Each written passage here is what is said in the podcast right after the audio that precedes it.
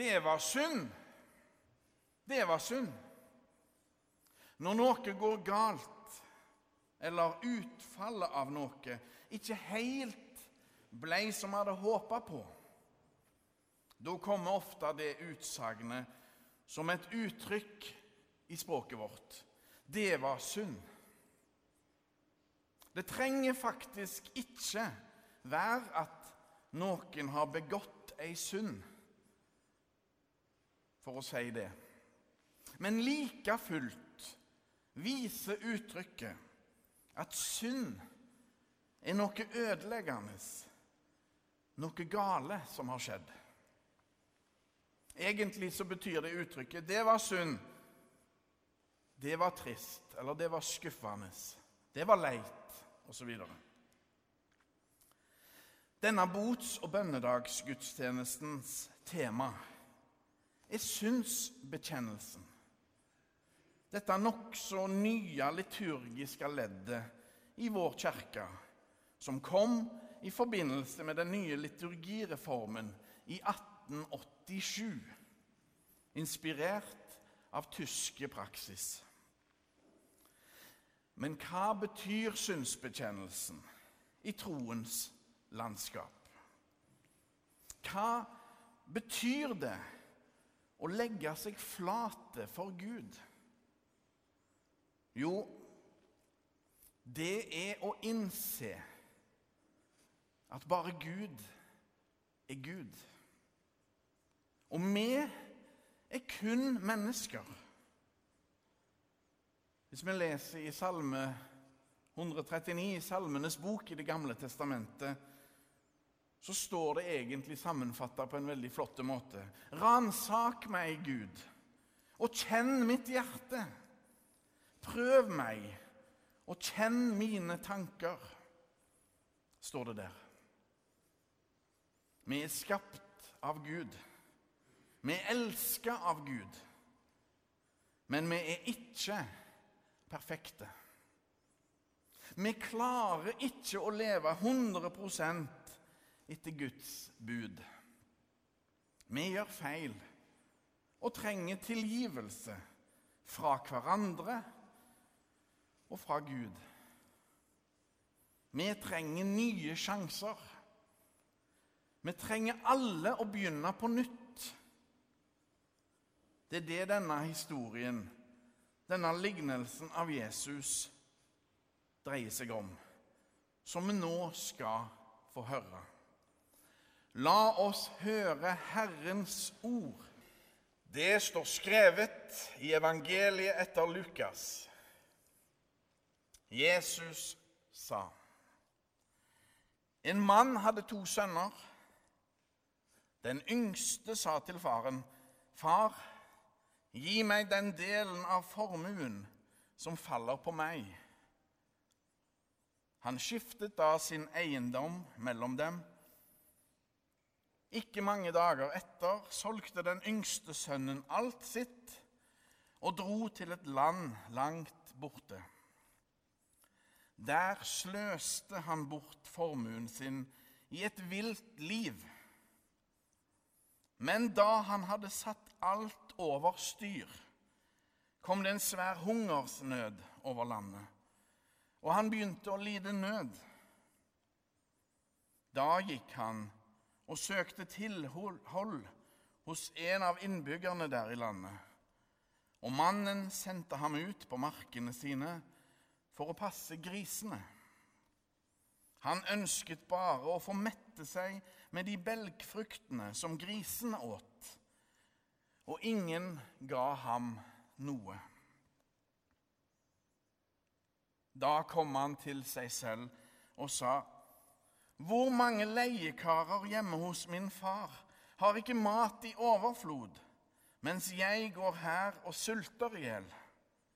Jeg vil bryte opp og gå til min far og si, Far, jeg har syndet mot himmelen og mot deg. Jeg fortjener ikke lenger å være sønnen din. Men la meg få være som en av leiekarene dine. Dermed brøt han opp og dro hjem til faren. Da han ennå var langt borte, fikk faren se ham, og han fikk inderlig medfølelse med ham.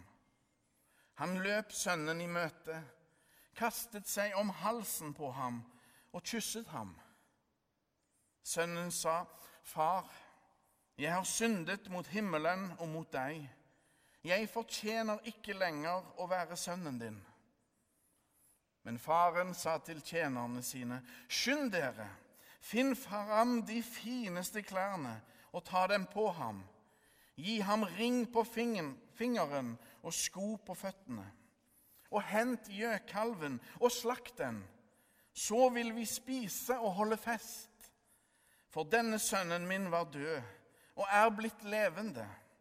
Han var kommet bort og er funnet igjen. Og så begynte festen og gleden. Imens var den eldste sønnen ute på markene. Da han gikk hjemover og nærmet seg gården, hørte han spill og dans. Han ropte på en av karene og spurte hva som var på ferde. Din bror er kommet hjem, svarte han, og din far har slaktet gjøkalven fordi at han har fått ham tilbake i god behold. Da ble han sint og ville ikke gå inn. Faren kom ut og prøvde å overtale ham. Men han svarte faren, 'Her har jeg tjent deg i alle år, og aldri har jeg gjort imot ditt bud.' 'Men meg har du ikke engang gitt et kje, så jeg kunne holde fest med vennene mine.' Men straks denne sønnen din kommer hjem, han som har sløst bort pengene dine sammen med horer, da slakter du gjøkalven for ham. Faren sa til ham, Barnet mitt, du er alltid hos meg, og alt mitt er ditt. Men nå må vi holde fest og være glade, for denne broren din var død og er blitt levende. Han var kommet bort og er funnet igjen. Slik lyder det hellige evangelium. Er det så farlig, da? Er det så farlig? Det er to grøfter å falle i i forhold til dette spørsmålet. Er det så farlig, da? Den ene grøfta er å innta en strenge holdning. Og jo strengere holdning vi inntar for oss sjøl og andre, særlig for andre, jo raskere blir vår konklusjon at det meste er synd særlig enkeltsynder som vi sjøl holder oss langt bortifra, mens vi sjøl går fri, siden vi så lett unngår å gjøre de. I gamle dager, og noen steder den dag i dag, var det i mange kristne miljøer regna som synd å strikke eller plystre på søndagen. Og å spille kort og å danse. Det var òg sett på som synd. For ikke å snakke om å nyte alkohol. Å gå på kino var synd. Så videre. Har en en slik streng holdning, blir det meste synd. Og lovtrelldom og ufrihet blir resultatet. Og resultatet kan bli Kan da bli at vi får en strenge og fordømmende, en sjølrettferdige tro som skygge for Guds nådige kjærlighet. Det var den ene grøfta å gå i. Den andre grøfta å gå i blir å si Nei da, det er ikke farlig. Alt er lov. Gud tilgir meg likevel uansett. De groveste tinga bør en selvsagt unngå. Og så blir det litt som i kardemommeloven, vet dere. Man skal ikke plage andre, man skal være grei og snill. Og for øvrig kan man gjøre hva man vil. Eller som man vil, kanskje. En kan altså nesten gjøre hva en vil. For Gud tilgir meg uansett. Dette er sløve likegyldighet. For i vår sjølsentrerte, egoistiske tid blir konklusjonen lett. Ingenting er synd. Du kan gjøre hva du vil, bare du har god samvittighet for å gjøre det. Og begge grøftene er tragiske. Hvorfor det? Jo, for de skygger for Guds nåde. Guds kjærlighet. I begge disse grøftene blir vi sjølsikre herrer over egne liv. For Gud, som ber oss om å elske Herren, og våre medmennesker, som oss sjøl, kommer da i andre rekke. Enten vi er lovtreller eller lovløse. Gud tar oss på alvor. Og det bør òg vi gjøre med Gud. Ta Gud på alvor. Jesus ber oss om å elske oppover og bortover. Gud og nesten, altså naboen. Jesus levde slik. Han levde som han lærte. Og i sin seier over de nedbrytende dødskreftene har Jesus satt oss alle fri. Og vi skal tro på Han. Jesus er tydelig når det gjelder dette med synd. Synden, sier han, synden er at de ikke tror på meg. Nå skal vi få et lite eksperiment her. Konfirmanter, gjør dere klar? Still dere opp. Nå skal vi se hvor lett det er å treffe eller eh, bomme på målet. Og Konfirmantene har fått en helt klare instruksjon. Krikkonfirmantene har fått en helt klare instruksjon. Dere skal gjøre så godt dere kan. Og Så skal jeg stå her og så skal jeg ta imot og så skal jeg prøve å ikke være redd ballen. Vær så god, Vetle. Du begynner. Så lett var det. Når vi har denne illustrasjonen, eller denne, dette eksperimentet, kan vi si, i gymsalen på Lura skole, da er det atskillig flere bomskudd enn det var her. Og så har dere sikkert allerede forstått poenget. Det er fort gjort å treffe på målet. Og det er fort gjort å bomme på målet.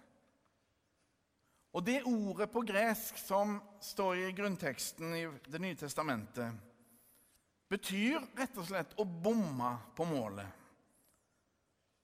Men så fikk vi her en nydelig illustrasjon på at det er fullt mulig å treffe på målet òg. Og det som er poenget med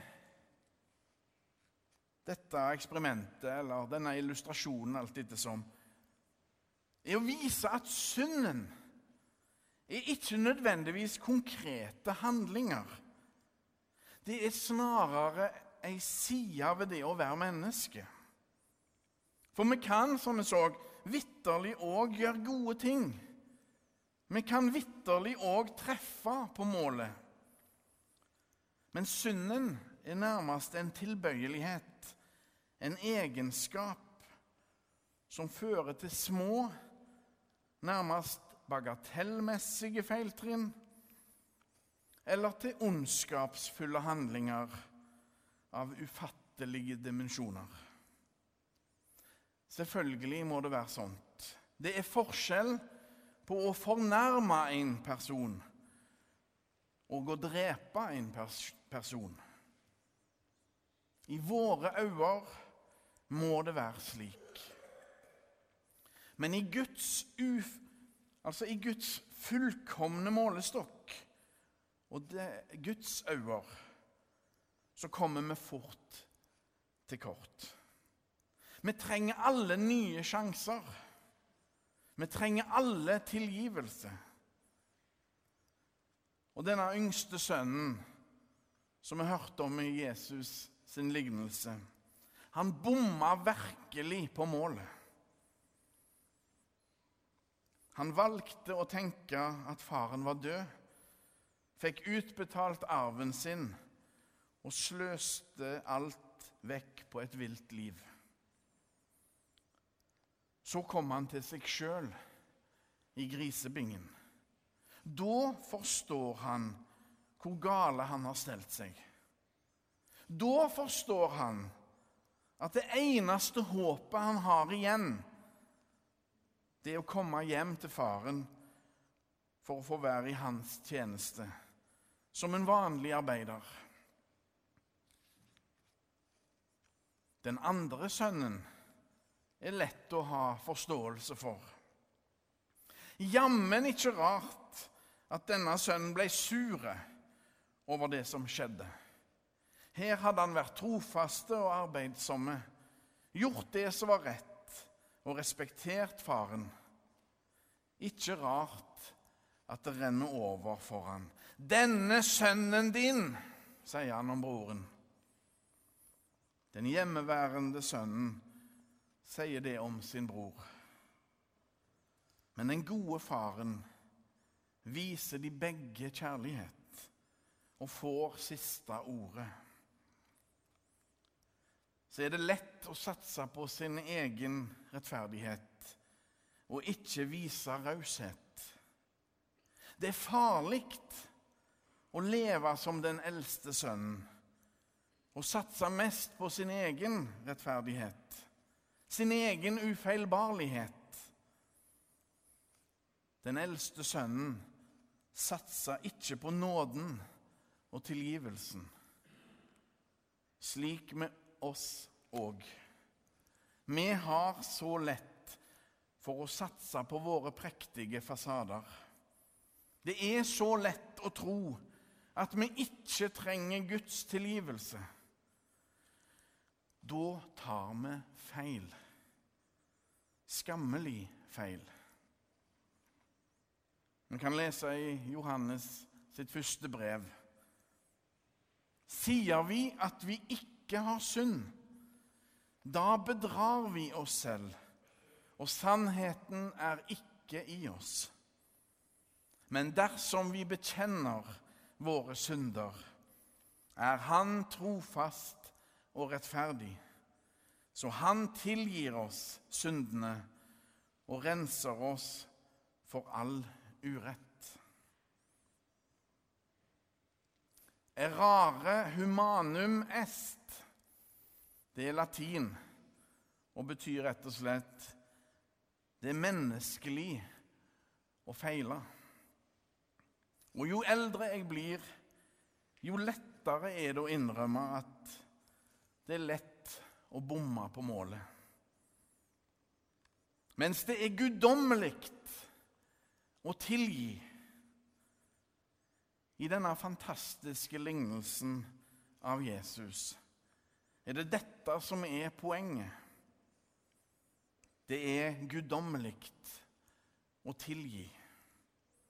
Den store helten i denne historien som vi nettopp hørte bli lest, er faren. Han er gjennomført gode, full av omsorg og medlidenhet. Full av tilgivelse og kjærlighet.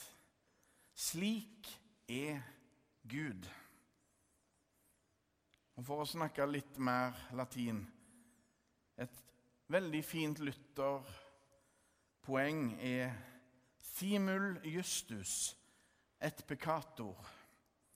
Det er rett og slett noe som betyr på samme tid rettferdig og synder. Det er det vår Herre Jesus som har æren for. At vi mennesker får lov til å være rettferdig og synder på samme tid. Er det noe som jeg husker fra de dagene da jeg ble ordinert, så er det samtalen biskop Bjørn Bue hadde med meg, og hans uforglemmelige ord. Han sa til meg, 'Øyvind, når du nå skal bli prest, så vil du oppdage det at der sitter folk i kirka som har vært i kirka hele livet, men som egentlig er på vei ut.' Mens andre, de er på vei inn. Og så kom den setningen som jeg aldri kommer til å glemme. Han spurte meg hva tid var det den fortapte sønnen vendte om? Jo, sier han, det var da han befant seg i grisebingen. Da han var på det laveste lava.